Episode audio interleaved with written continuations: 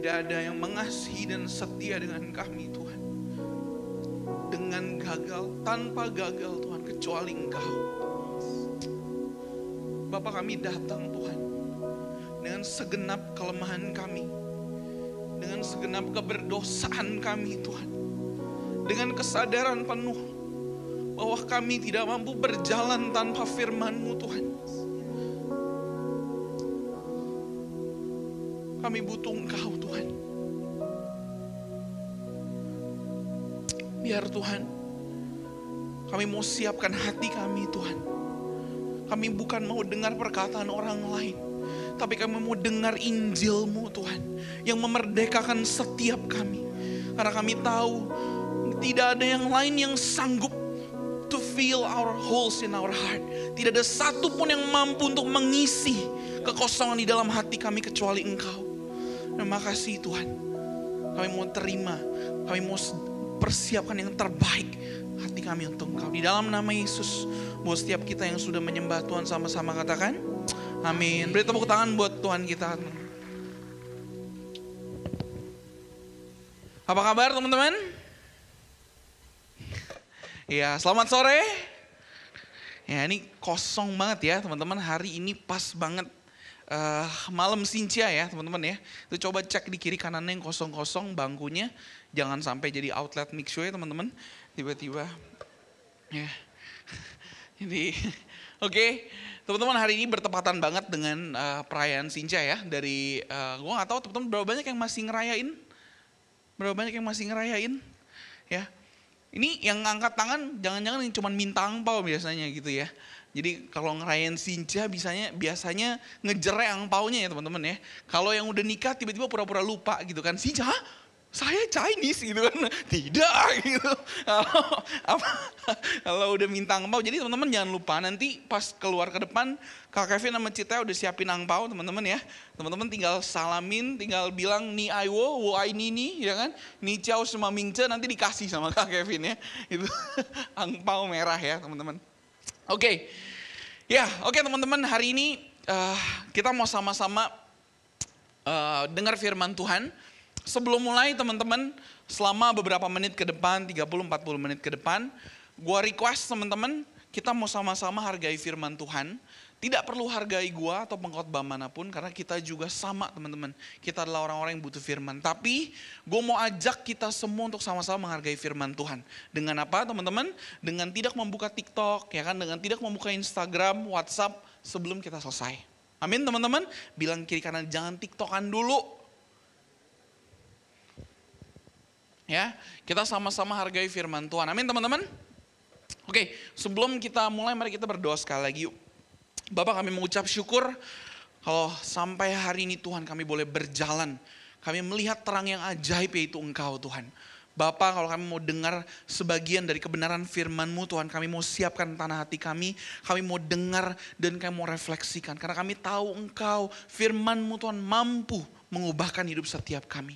Kami siapkan tanah hati yang terbaik dalam nama Yesus buat siap teman-teman yang siap dengar firman Tuhan sama-sama katakan. Amin. Oke, teman-teman eh, beberapa minggu ini ya, terutama di bulan Januari ini memang kita sedang bahas di Yohanes 8 ya teman-teman, eksposisi di Yohanes 8. Minggu lalu kalau teman-teman masih ingat ya kan, Kak Kevin lagi bahas soal uh, perempuan yang berzina teman-teman ya kan.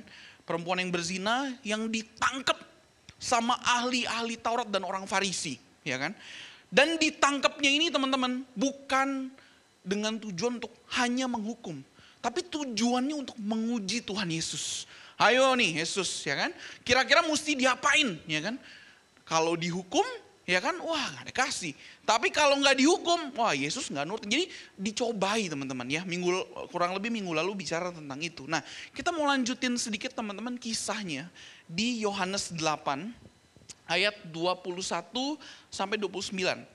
Yohanes 8 ayat 21 sampai 29. Kita baca sama-sama teman-teman. Bisa dibuka. Oke, okay, thank you tim multimedia. Oke, okay, kita baca sama-sama teman-teman ya. Ayat ganjil uh, wanita yang pria yang baca, ayat genap teman-teman wanita yang baca ya. Oke, teman-teman pria, satu dua tiga. Maka Yesus berkata pula kepada orang banyak, Aku akan pergi dan kamu akan mencari aku. Tetapi kamu akan mati dalam dosamu. Ke tempat aku pergi, tidak mungkin kamu datang. Kening, stop sampai sini teman-teman. Ayat 21 dulu, ini keras banget teman-teman ya. Kamu bisa bayangin teman-teman Yesus lagi ngomong di orang banyak. Dan ini mostly orang-orang Farisi. Nanti teman-teman bisa baca di ayat setelahnya dan sebelumnya. Dia bilang gini, aku akan pergi. Tapi kamu mencari aku, tapi kamu mati dalam dosa kamu. Ya kan? Ke tempat aku pergi tidak mungkin kamu datang. Orang-orang ini bingung teman-teman ya kan. Sampai di ayat 22 bisa baca uh, yang wanita bisa baca. 1, 2, 3. Budi itu apakah ia mau bunuh diri? Dan karena itu dikatakannya ke tempat aku pergi tidak mungkin kamu datang ya kan ini orang-orang Yahudi teman-teman balik lagi ya ingat ya cerita tadi ya ini kisah awalnya orang-orang Yahudi dan orang-orang Farisi teman-teman ya mereka yang menguji Yesus mereka mau uh, nyerang Yesus. Nah ini orang-orang yang sama lagi nih kurang lebih. Mereka bilang ini orang agak gila ya. Kayaknya mau bunuh diri nih gitu kan. Kemudian Yesus balas ke tempat aku pergi tidak mungkin kamu datang. Ya ayat berikutnya teman-teman pria. Satu, dua, tiga. Lalu ia berkata kepada mereka, kamu berasal dari bawah, aku dari atas. Kamu dari dunia ini, aku bukan dari dunia ini. Ini keras banget ya teman-teman. Dia lagi bilang, kamu tuh dari bawah, dari dunia. Ya kan? Kalau aku tuh dari atas. Wah ini kesannya kayak, kok Tuhan Yesus kayak ini banget ya, judgmental banget ya teman-teman. Gak apa-apa, kita mau baca dulu nanti gue akan berikan konteksnya. Kita akan lihat sama-sama konteksnya. Ayat 25, boleh para wanita? Ulang-ulang, satu, dua, tiga. Sorry, sorry, sorry, sorry, gue salah. Kok ayat 25? 24.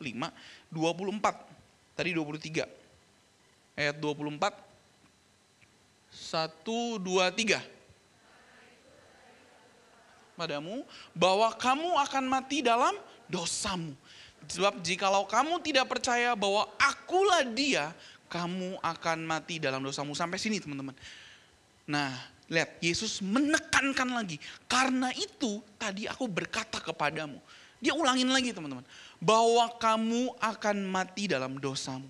Ya, ini clear banget ya teman-teman ya. Setiap kita berdosa dan kita pasti mati dalam dosa kita. Sebab jikalau kamu tidak percaya bahwa akulah dia Maksudnya apa teman-teman?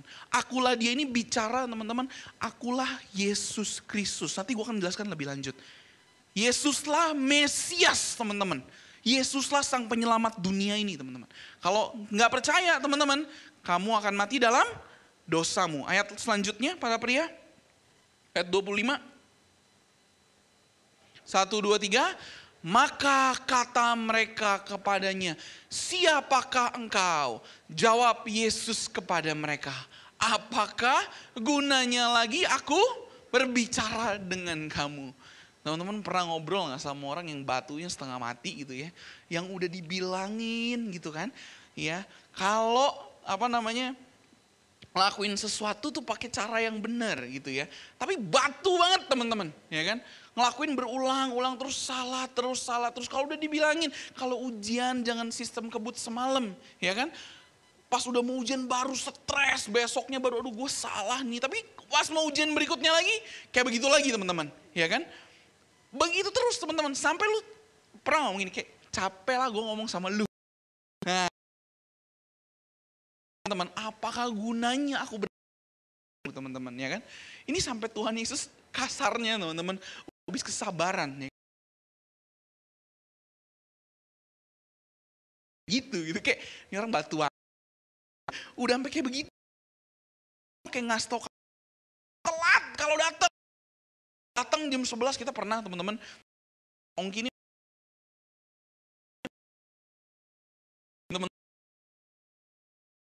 Ongki selalu terbiasa telat. Ya kan? Kita udah ngomongin kali, sampai suatu kali teman-teman kita para pemimpin ini kita janjian teman-teman. Oke, besok ada ya kan? Guys, jam ya kan? Tapi kita bilang semua, kita datang jam 10 semua ya, deal? Deal, ya kan? Jam 10 teman. Kan? Besoknya kita datang teman-teman. Tahu jam berapa? Jam 11 teman-teman. Dan kita bilang capek deh, bener-beneran nih orang. Nah ini kurang lebih sama teman-teman ya. Kita apa, ini bercanda. Kaungki sekarang udah jauh lebih berproses. Boleh, kenapa Jason ketawa-tawa? Kita baca ayatnya kembali teman-teman. Ayat 20, tadi berapa? 25, 26. 26 kita baca sama-sama para wanita, 1, 2, 3. Banyak yang harus kukatakan dan kuhakimi tentang kamu.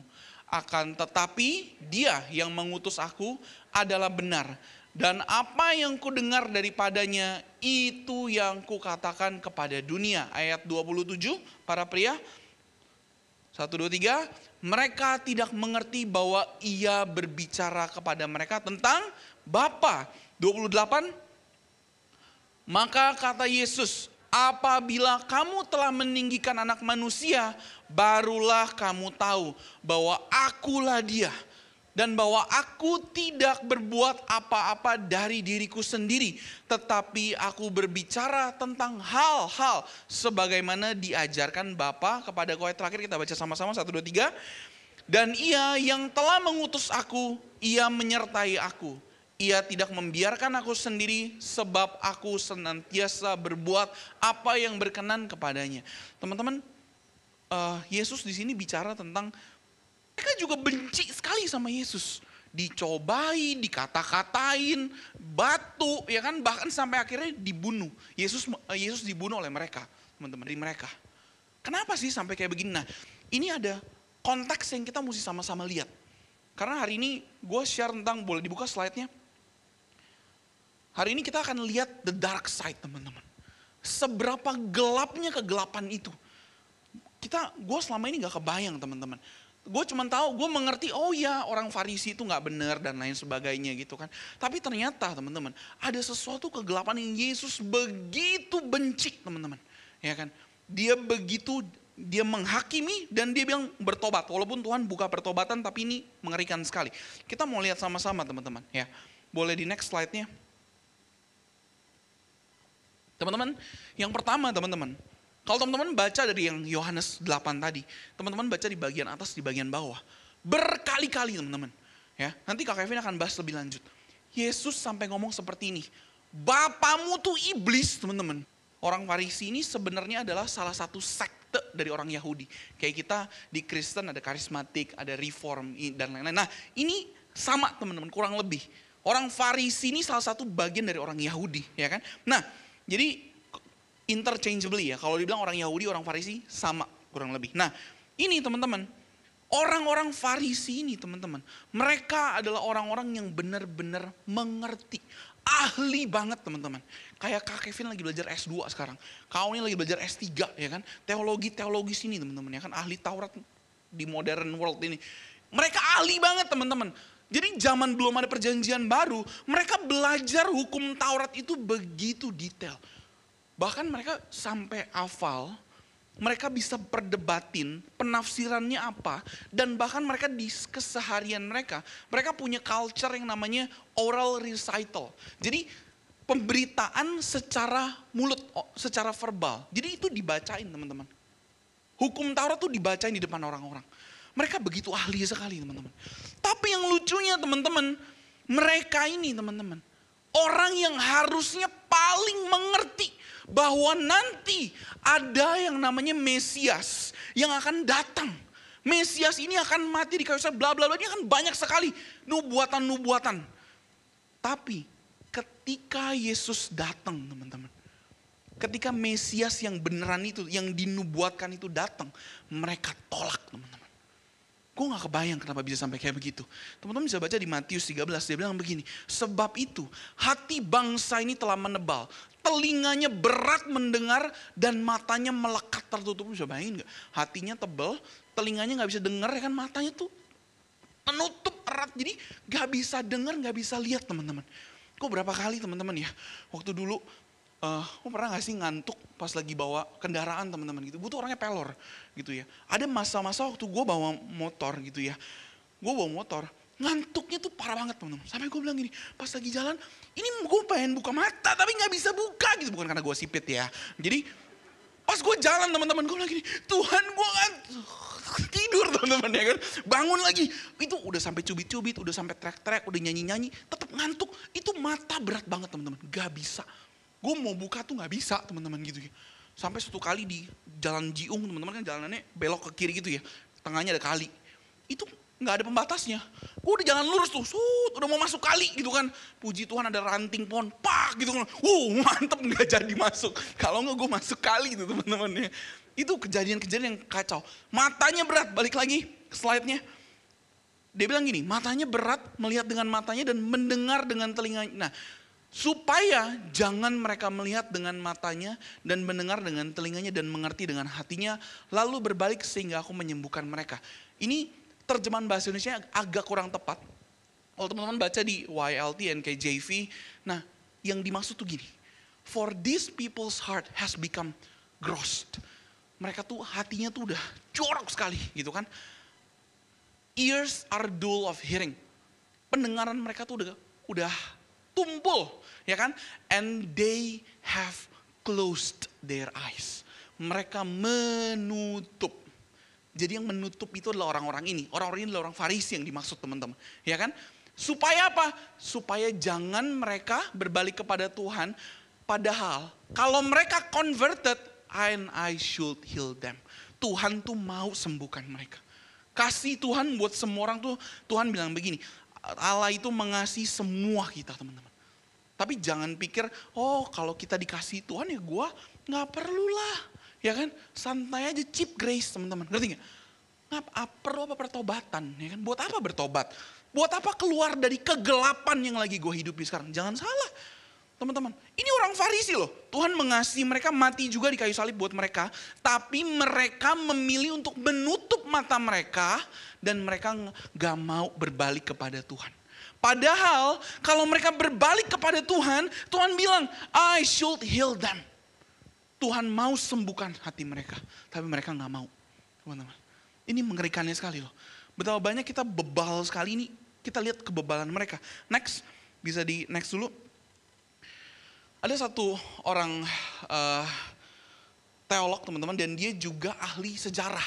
Gue baca bukunya tentang uh, kehidupan A Study of Israel dulu seperti apa. Dia bilang gini, the Pharisees though having witnessed the authority and power of the Lord's work, didn't seek or investigate at all. Orang-orang Farisi ini teman-teman, walaupun di zaman mereka, mereka melihat dengan mata kepala sendiri. Wih, ada orang namanya Yesus Kristus. Yesus ini nih. Dan Yesus ini dia bukan cuma mengajar. Yesus yang ini dia bangkitin orang mati. Dia mengajar dengan kuasa. Banyak orang-orang yang percaya, orang-orang yang dia utus ya kan? Mereka juga melakukan pekerjaan kuasa. Tapi, boleh balik slide-nya, dia bilang, they didn't investigate at all. Mereka nggak bilang gini, eh jangan-jangan ini Yesus, ini Mesias yang dinubuati di hukum Taurat yang kita baca. Yang kita tahu akan datang. Ya kan? Jangan-jangan Yesus yang ini beneran dari Tuhan. Mereka enggak, santai aja. Ya kan? Enggak lah. Malahan dibilang apa? They concluded that the work of the Lord of Jesus overstepped the Old Testament, condemning and tempting him. Malah teman-teman, mereka berasa gini, nggak benar nih Yesus nih, ya kan? Ini Yesus nih nggak benar, tidak sesuai dengan perjanjian lama. Malah dia apa namanya condemn dan tempting. Dia tuduh dan dia cobai teman-teman. Mengerikan nggak teman-teman? Hati ini orang tuh kalau hatinya sudah bebal teman-teman. Ini kayak begini teman-teman. Tidak menjamin seberapa besar pengetahuan, pengalaman kita untuk kita tidak bebal teman-teman. Teman-teman bisa lihat nggak orang-orang Farisi ini begitu gelap kehidupannya mereka. Mereka begitu memilih kehidupan bebalnya mereka. Padahal di depan mata ada Yesus. Mungkin kita pikir begini, ya kak itu kan orang Farisi gitu kan. Gue emang enggak. Teman-teman sadar nggak? kegelapan itu, kita tuh tidak immune to that darkness. Setiap kita teman-teman, baik yang udah percaya Tuhan 10 tahun, yang sudah melayani, teman-teman yang beribadah, teman-teman yang terlibat di dalam konflik, kita semua bilang, bilang kiri kanannya, apalagi elu. Gak ada teman-teman yang imun terhadap darkness ini, kegelapan ini teman-teman. Apa yang dialami orang-orang Farisi ini teman-teman, bisa jadi kita hari ini alamin loh. Berapa banyak hari ini teman-teman kita, waktu kita lihat firman, kita tuh lebih memilih untuk bebal. Kita lebih memilih untuk gini, ah saya lebih prefer tinggal di dalam kegelapan aja deh. Berapa banyak hari ini kita Tuhan tegur lewat firman Tuhan, lewat khotbah yang disampaikan, lewat orang-orang di sekeliling kita, teman-teman. Tapi kita lebih memilih untuk kita, enggak deh, enggak mau bertobat, lebih nyaman, ya kan? Lebih lebih asik, teman-teman, ya. Kak Kevin aja, teman-teman, yang udah melayani Tuhan, masih bisa jatuh di nyontek, teman-teman, ya kan? Dan nyonteknya nggak tanggung-tanggung di pelajaran teologi, teman-teman, ya kan? itu dosanya double kali ya gitu. Enggak ya. Nah tapi ini terjadi teman-teman. Setiap kita baik, even siapa pun. Penatua, gua, semua orang di tempat ini. Kita perlu cek loh teman-teman. Apakah hati kita bebal gak sih teman-teman? Apakah kita kalau lihat firman hari ini ya. Kita bilang gini Tuhan saya mau bertobat Tuhan. Aduh Tuhan saya ini bobrok sekali Tuhan saya mau bertobat. Atau kita cuma lihat ya ya udah. Gue ingat sekali teman-teman dulu kita kan udah berkali-kali ya di, di, di, dijelasin dan bahkan melihat gitu. Oh Tuhan itu pelihara hidup kita, ya kan? Yang pelihara hidup kita bukan pekerjaan kita, tapi Tuhan. Matius namanya tiga tiga, ya kan? Tetapi cara dulu kerajaan Allah dan kebenaran, maka semua itu akan tambahkan kepadamu, gitu kan? Kita banyak dapat afirmasi, dapat firman. Tapi gue ingat sekali teman-teman, even sudah berkali-kali. Dulu ya, gue waktu gue hidup uh, di SD SMP itu masa-masa finansial yang sulit teman-teman. Tapi gue tuh melihat dengan mata kepala gue. Di itu gue belum percaya Tuhan sungguh-sungguh. Tapi gue bisa melihat di detik-detik terakhir pertolongan Tuhan tepat pada waktunya. Tiba-tiba SMA, SMP, SMA dibayarin sama orang lain. Ditanggung. Waktu mau kuliah gak ada uang teman-teman. Tiba-tiba dapat beasiswa. Masuk ke universitas negeri. Ya kan?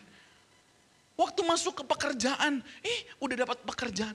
Tapi teman-teman, hati yang sama ini yang bebal ini tetap memilih untuk khawatir dan takut ketika diperhadapkan lagi gimana sama masa depan.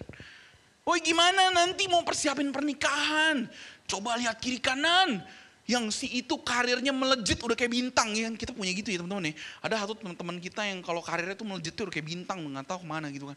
Kayak lu gak kayak gitu loh. Ya kan, lihat kiri kanan lagi tuh orang tuanya. Waduh gitu kan. Apakah kunci kesuksesan? Orang dalam, ya kan? Wah orang tuanya yang punya, ya kan? Bekerja keras apa semua, tapi ujungnya, ya kan? Familynya sangat kaya, lu enggak lu. Ini ketakutan lagi muncul. Ini hati bebal banget teman-teman. Padahal sama kayak orang Farisi, sudah tahu kebenaran, sudah menyaksikan Tuhan itu real banget. Tuhan gak pernah ingkar janji, tapi hati ini teman-teman kita sering banget bebal teman. Kita lebih memilih kegelapan dibandingkan terang. Benar nggak teman-teman? Coba cek deh, berapa banyak kita sampai hari ini teman-teman. Kita ditegur lewat firman terhadap dosa-dosa kita. Orang-orang di sekeliling kita, tapi kita memilih untuk, mau salah. Ya kan? Nah ini makanya pentingnya teman-teman. Ingat gak? Kita, Kevin pernah share waktu itu. Dan ini berkali-kali diomongin juga sama Kak Darwin dan teman-teman yang lain. Kita semua teman-teman, kita semua punya nature untuk berdosa. Teman-teman kepikiran untuk khawatir, kepikiran untuk melakukan dosa itu tidak dosa. Oke, okay? yang berdosa adalah ketika pikiran-pikiran dan keinginan tersebut dibuahi, maka menjadi dosa. Ya, aku teman-teman. Nah ini juga sama, pikiran kekhawatiran kita, pikiran kita untuk jatuh di dalam dosa, ya kan? Itu nggak dosa teman-teman. Tapi ketika kita memilih terus-menerus untuk membuahi pikiran itu teman-teman. Nah itu kita akan jatuh terus. Ya, Itulah kebebalan waktu kita pilih itu terus-menerus. Nggak ada cara lain teman-teman. Kita perlu datang, kita perlu sadar. Jangan seperti orang Farisi ini teman-teman. Yang mereka udah lihat depan mata tapi mereka nggak bertobat. Kita perlu sadar tiap hari teman-teman. Aduh Tuhan, hidup saya ini bobrok, saya perlu engkau. Waktu kita datang pagi-pagi sama Tuhan, waktu engkau saat teduh, kau ambil waktumu dalam hari-hari, kita perlu belajar untuk kita bilang Tuhan, saya ini bobrok, Saya ini masih berdosa, saya lebih pilih A, B, C, D. Tapi saya mau bertobat. Tuhan saya mau serahkan kekhawatiran saya, Tuhan yang pelihara hidup saya bukan pekerjaan saya, bukan uang, bukan nominal di dalam rekening saya. Tapi Tuhan, bagian saya adalah setia dengan apa yang Tuhan berikan hari. Itu yang perlu terus-menerus kita akui. Ya, orang Farisi nggak mau akui itu, teman-teman. Ya kan? Yang kedua, teman-teman, kita uh, lanjut, teman-teman. Apa sih yang Yesus uh, tekankan sama orang Farisi ini. Kenapa dia begitu sampai marah sampai bilang tadi, ya kan? Bapamu tuh adalah iblis, ya kan? Sampai Yesus tuh bilang, ya kan? Kamu ini berasal dari dunia, kamu tuh pasti mati dari dosa, ya kan? Ternyata teman-teman, kalau teman-teman baca, nanti teman-teman bisa baca di Matius 23, gue gak akan detailin. Ada delapan kali teman-teman Yesus ngomong, celakalah kamu, ya kan? Dan celakalah kamu ini teman-teman di dalam Alkitab. Ini hanya diperkatakan kepada orang-orang Farisi ini. Ya. Karena orang-orang Farisi ini salah satunya yang paling kelihatan. Dia bilang gini, mereka clean only on the outside. Ya, dia bilang gini, gue bacain teman-teman. Celakalah kamu, hai ahli-ahli Taurat dan orang Farisi. Hai kamu orang-orang munafik, sebab kamu sama seperti kuburan yang dilabur putih. Yang sebelah luarnya memang bersih tampaknya. Tetapi yang sebelah dalamnya penuh tulang belulang dan berbagai jenis kotoran. Demikianlah, demikian jugalah kamu, di sebelah luar kamu tampaknya benar di mata orang, tetapi di sebelah dalam kamu penuh kemunafikan dan kedurjanaan. Teman-teman, orang Farisi ini teman-teman ini hobinya mereka. Mereka di luarnya itu luar biasa Wah mereka ikuti berbagai macam ahli hukum Taurat. Mereka ikutin teman-teman. Kalau hari sabat nggak boleh ngapain. Kalau habis dari luar mesti cuci tangan. Cuci tangannya ada caranya. Ini nggak boleh dimakan. Binatang yang seperti nggak boleh dimakan. Kalau nggak kamu nggak kudus. Mereka ikutin. Teman. Tapi teman-teman, yang terus yang di luar mereka kalau berdoa kencang-kencang, kalau duduk di depan, ya kan, oh, mereka paling kelihatan rohani teman-teman. Tapi kehidupan hatinya dalam itu parah sekali ya kan yang duduk depan langsung memang lu orang Farisi kan ya, ya. jadi teman-teman ini orang-orang ini teman-teman mereka orang-orang yang di luarnya kelihatan baik tapi di dalamnya teman-teman ini kacau banget bahkan Yesus tegur mereka tuh hak-hak milik orang uh, apa namanya widow janda diambil sama mereka mereka nggak fair, mereka nggak benar teman-teman. Ini kacau sekali, ya kan? Hak-hak orang miskin mereka ambil. Jadi yang di dalam tuh kotor sekali teman-teman. Ya kan bahkan Yesus kasih perumpamaan nih kayak cawan, luarnya bersih tapi dalamnya itu jorok. Kuburan luarnya tuh putih. Zaman dulu kuburan tuh pakai limestone, pakai batu kapur. Jadi warnanya putih, bersih teman-teman. Ya kan? Itu kelihatannya luarnya bersih, tapi dalamnya teman-teman itu jorok saya tulang belulang, kotoran. Hari ini teman-teman, orang Farisi ini kegelapan. This is the dark side that they choose to live in. Ini adalah kegelapan yang mereka pilih teman-teman untuk dihidupi. Yang luarnya kelihatan bagus, dalamnya hancur. Again, kak, atau gue nggak relate ya kan? Kita kan baik-baik aja di sini teman, ya kan? Gue nggak pernah ngebunuh orang, gue nggak pernah berzina kak, ngerti aja kagak ya kan? Atau kak, Gue gak pernah sampai bunuh, sampai curi miliaran ratusan juta nggak pernah. Hak janda nggak pernah gua nggak pernah kak gua ambil ya kan? Kenal aja nggak bilang misalkan. Teman-teman gua kasih tahu. Standar Yesus itu bukan bicara yang di luar hukum Taurat. Tapi kalau teman-teman baca di Matius 5 Yesus begitu detail teman-teman. Standarnya Yesus adalah ha? hati teman-teman. Makanya dia bilang, kalau teman-teman baca lebih detail, gue gak akan bisa bahas lebih detail, lebih dalam. Tapi dia bilang begini, tahu gak teman-teman, waktu kita hari ini, keberdosaan kita ya, waktu kita marah sama orang, kita benci, menyimpan benci itu udah sama seperti kita bunuh orang lain. Waktu kita hari ini ngeliat lawan jenis teman-teman dan kita berpikir di dalam pikiran kita aja. Wah enak ya kalau dia jadi pacar gue jadi pasangan gue. Melakukan yang enak-enak. Oh, teman-teman, itu udah berzina. di mata Tuhan Yesus. Karena standarnya memang hati teman-teman. Nah ini kegelapan yang mereka pilih untuk jalanin. Mereka memilih luarnya kelihatan bagus, dalamnya busuk. Ya, Hari ini teman-teman, kita nggak ada yang tahu loh. Kita bisa datang ke ibadah dengan baju yang bagus. Ya kan? Kita bisa sembah Tuhan waktu praise and worship. Kita dengar firman Tuhan. Bahkan teman-teman, kita bisa ikut komsel. Ada di pemuritan. Tapi teman-teman, belum tentu kita bisa menyimpan dosa-dosa yang kita kita nggak mau buka ke orang lain. Kita nggak mau buka di hadapan Tuhan. Kita lebih pilih keep it to ourselves. Ya kan? Atau teman-teman, hari berapa banyak kita masih simpen. Kita lebih memilih untuk pahit sama orang tua kita. Sama keluarga kita. Ya kan? Sama pemimpin, siapa pun teman-teman. Teman-teman tahu nggak? Ini adalah penyakit, ini adalah darkness, kegelapan yang di hati kita yang Yesus tegur kepada orang-orang Farisi. Kita bisa alamin teman-teman. Kita bisa jadi orang-orang itu. Ya, ada orang-orang teman-teman waktu jalan bareng gitu ya. Kadang kita kan gitu ya, kita hanya mau denger yang kita mau denger. Kita hanya suka beberapa firman tertentu yang menurut kita, wah ini mantep nih, yang lain gak mau. Ada orang-orang teman-teman yang waktu mereka jalan bareng gitu ya. Kan namanya gesek kan pasti ada ya, entah sama orang tua, entah sama teman-teman, ya kan, entah sama pemimpin. Ada hal-hal yang mereka kecewa dan sekali kecewa teman-teman. Mereka nggak mau beresin dan bilang udah, gue pahit, selesai. Bahkan yang paling parah pahitnya sama Tuhan teman-teman, ya kan? Tuhan gak adil, Tuhan jahat, ya kan? Me dunia memang gak adil teman-teman, Tuhan gak pernah janji apa pun, ya kan? Tapi Tuhan janji lewatin lembaga kekelaman, dia ada buat kita. Amin teman-teman. Nah ini, pahit ini disimpan teman-teman di dalam hati.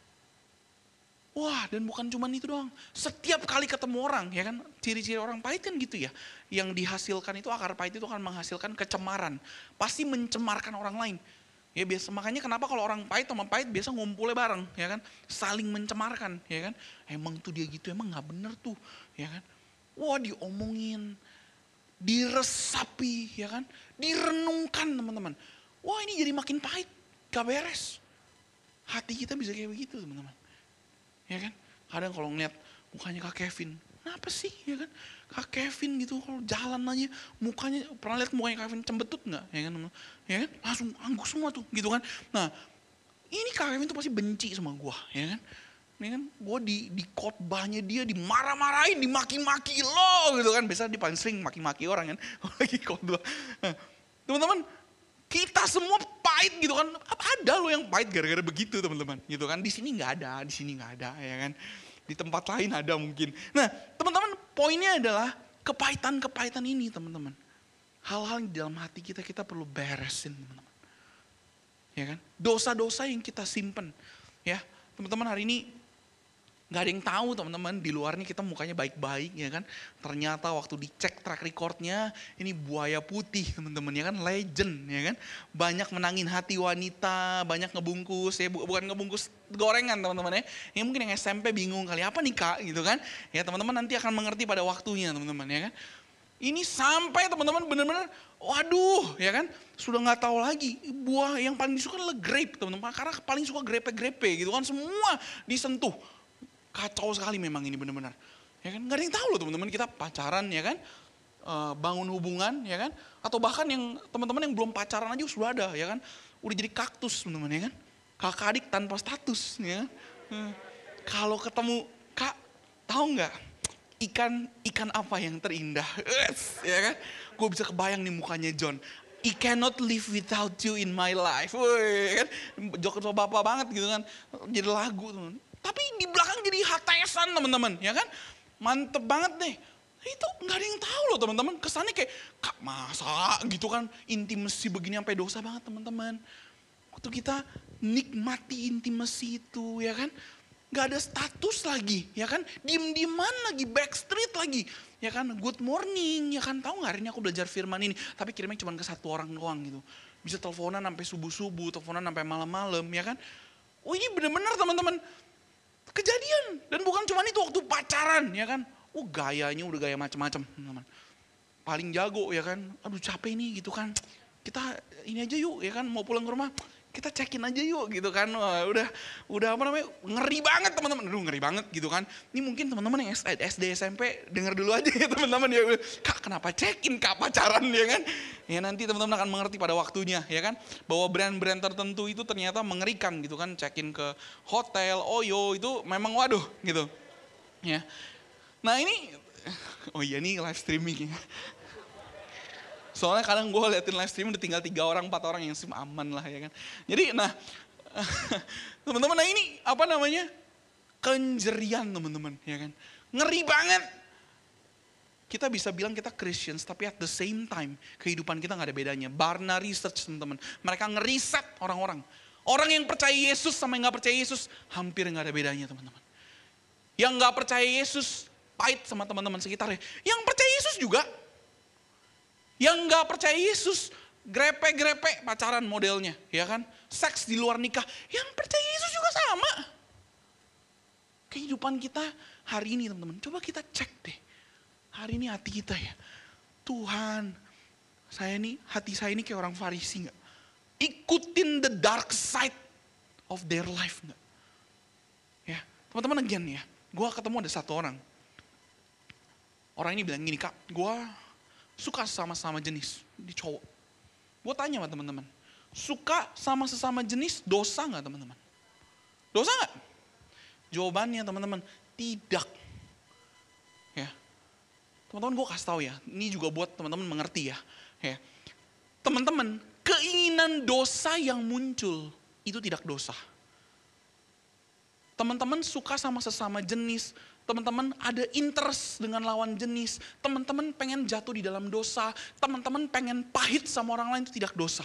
Tapi waktu dibuahi teman-teman itu menjadi dosa. Ketika dilakukan teman-teman itu menjadi dosa. Teman-teman gue mau kasih tahu teman-teman. Pemikiran-pemikiran yang keluar. Kita perlu bawa balik dari itu kegelapan. Itu nature-nya kita teman-teman. Itu semua kegelapan yang kita alamin. Bukan berarti itu hal yang benar teman-teman. Kita perlu bawa balik ke dalam Kristus sungguh-sungguh bertobat. Amin teman-teman. Ya. Jadi teman-teman jangan tertuduh. Orang-orang yang bilang kak kenapa gue selalu berpikir? Ya kan ada teman-teman yang apa tiap pagi siang malam teman-teman kepikirannya selalu gitar biola yang meliuk-liuk gitu kan. Rasanya kak aku pengen jatuh terus teman-teman. Kayaknya gue nih berdosa banget. No teman-teman. Paulus itu alamin teman-teman. Sampai dia bilang gini kalau hal yang gue mau lakukan gue malah gak bisa lakukan. Tapi yang gue gak mau lakukan keberdosaan ini gue malah lakukan. Terkutuklah aku ke manusia, celakalah aku dia bilang. Tetapi di ayat berikutnya dia bilang gini, tapi ucap syukur kepada Tuhan. Karena Tuhan yang udah menang buat kita. Oleh kasihnya di kayu salib teman-teman. Karena kita perlu sadar, keberdosaan kita itu tetap dosa teman-teman. Tapi kita perlu bawa ke dalam salib Kristus. Amin teman-teman. Ya, terakhir teman-teman. Ya, Matius 23, eh sorry, Yohanes 11 ayat 45 sampai 48. Dia bilang begini teman-teman. Orang-orang ini teman-teman, kenapa Yesus begitu marah teman-teman dengan mereka? Lihat ini, mereka punya personal gain over God's will. Mereka lebih mementingkan kepentingan mereka dibandingkan kehendak Tuhan buat hidup mereka. Ya tim profetik boleh maju ke depan. Ayat 45 gue bacakan begini teman-teman. Banyak di antara orang-orang Yahudi yang datang melawat Maria dan yang meyakinkan sendiri apa yang telah dibuat Yesus percaya kepadanya. Jadi waktu itu teman-teman kondisinya Yesus itu bangkitin orang mati, Lazarus teman-teman. Dan gara-gara itu teman-teman orang-orang Yahudi banyak yang percaya. Wah ini beneran ini Yesus gitu kan. Tetapi teman-teman ada yang pergi kepada orang-orang Farisi dan menceritakan kepada mereka apa yang telah dibuat Yesus itu. Lihat, perhatikan baik-baik. Lalu imam-imam kepala dan orang-orang Farisi memanggil mahkamah agama untuk berkumpul dan mereka berkata, apakah yang harus kita buat?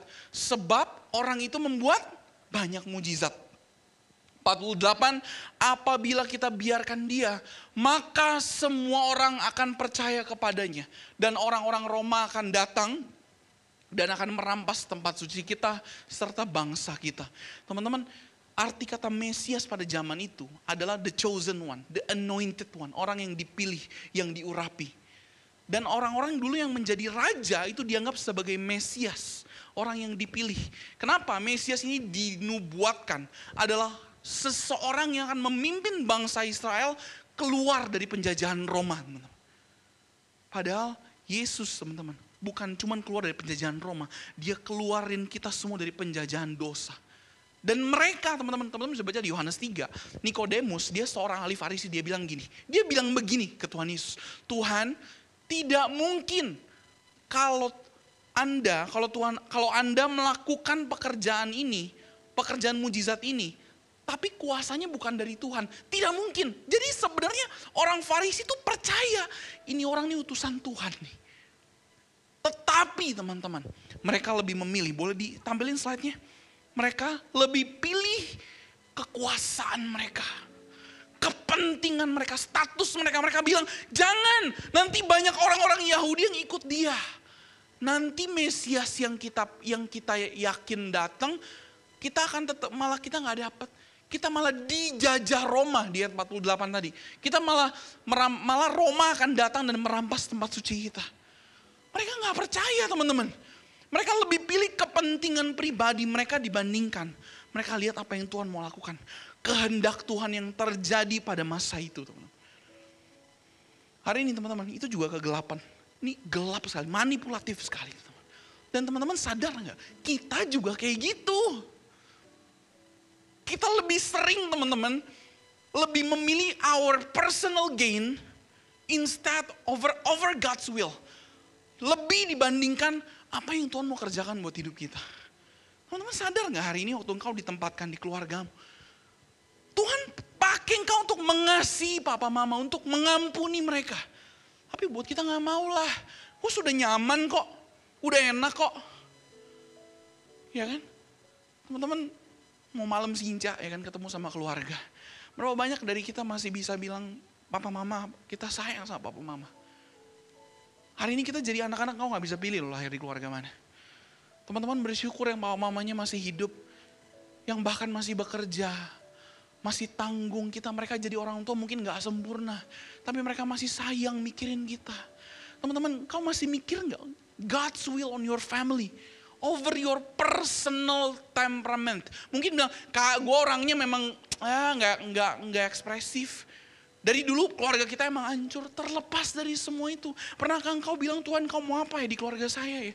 Pasti kalau teman-teman melihat itu, pasti Tuhan akan arahkan engkau kepada kasih. Pasti teman-teman, itu firmannya dia. Teman-teman hari ini yang lagi bekerja teman-teman. Sadar nggak? Ada God's will on your work bukan kegelapan, bukan jadi ketakutan, cari gaji yang lebih besar.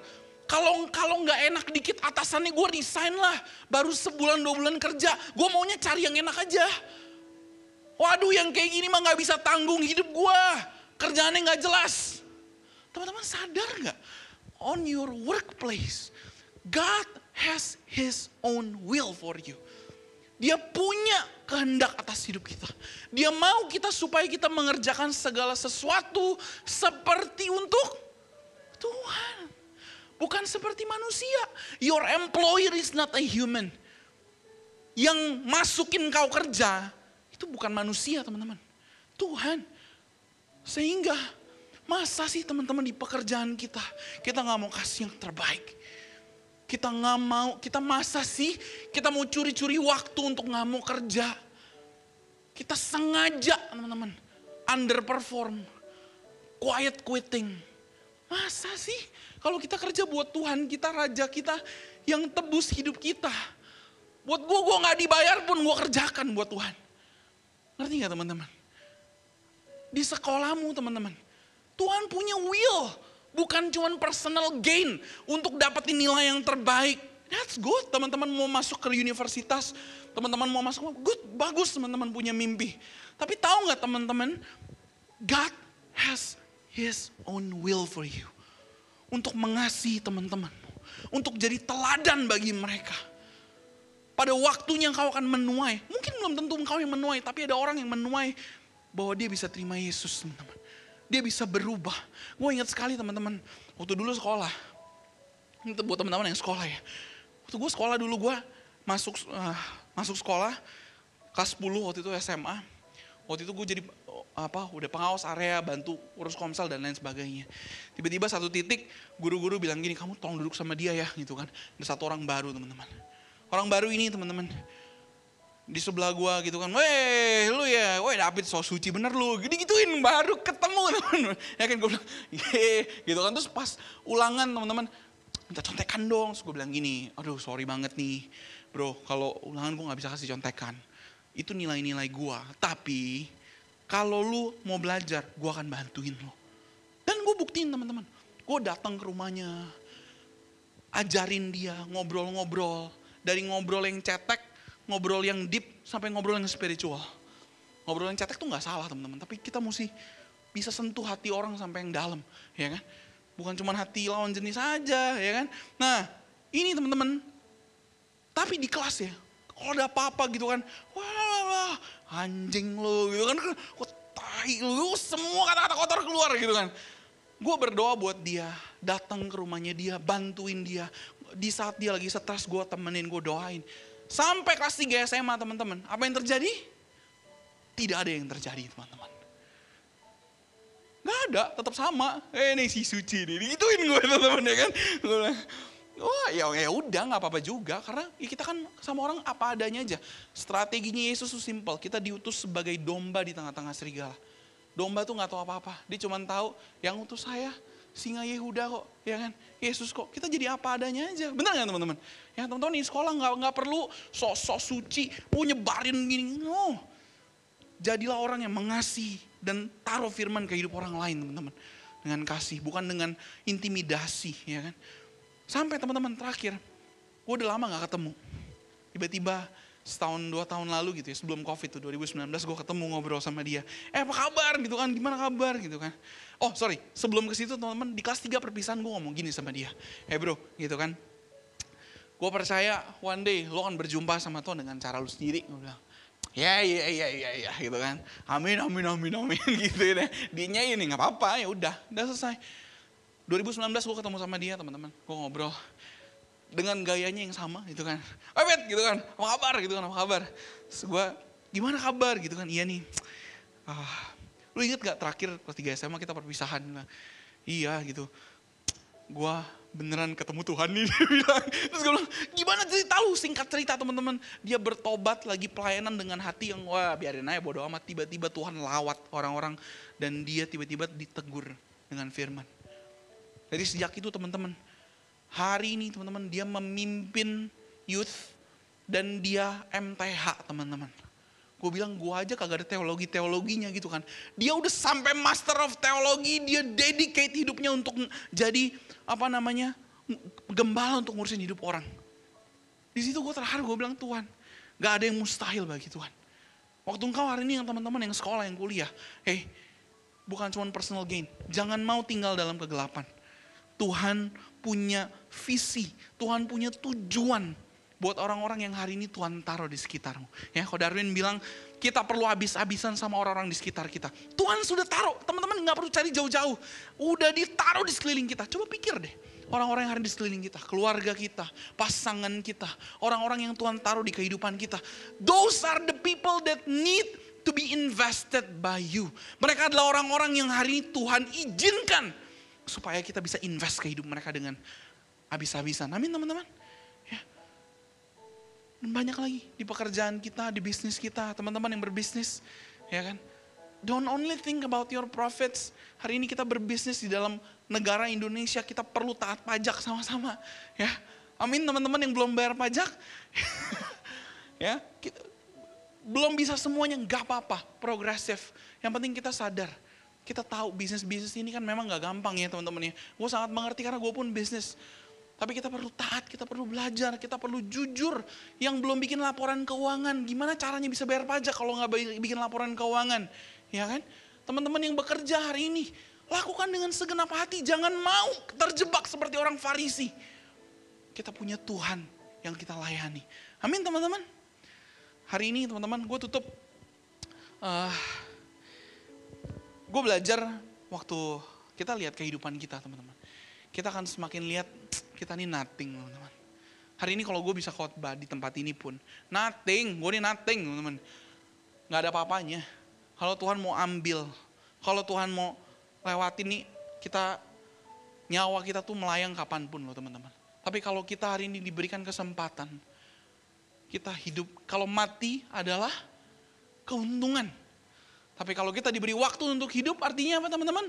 Bekerja, memberi buah. Kita bukan orang-orang gelap, kita orang-orang terang. Sehingga waktu kita lihat hari ini Tuhan, kok saya penuh dengan addiction, saya jatuh di dalam dosa, saya penuh dengan keinginan-keinginan berdosa. Teman-teman, let me tell you, Paul also did the same thing. Paulus juga mengalami hal yang sama.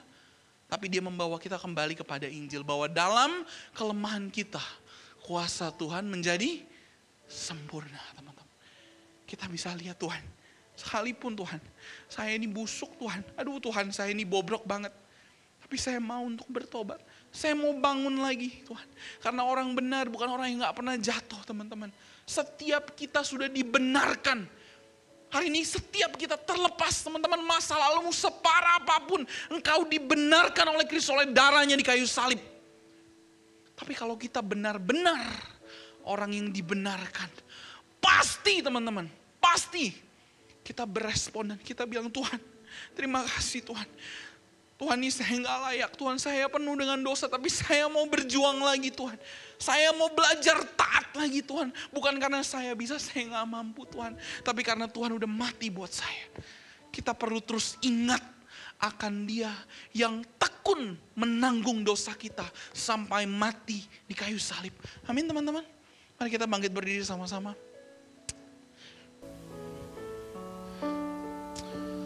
Terima kasih Tuhan. Mari kita pejamkan mata kita biar ini jadi momen-momen kita dengan Tuhan. Teman-teman hari ini sebelum kita tutup, bolehkah hari ini teman-teman jadikan ini waktu personal kita. Injil membawa kita untuk menyadari seberapa kita berdosa teman-teman dan tidak layak. But at the same time Injil membawa kita menyadari Yesus yang penuh kasih for who he is. Dia menyelamatkan kita dia benarkan hidup kita. Teman-teman boleh kali ini kau secara personal kita mau balik kepada dia. Kita mau ingat akan dia.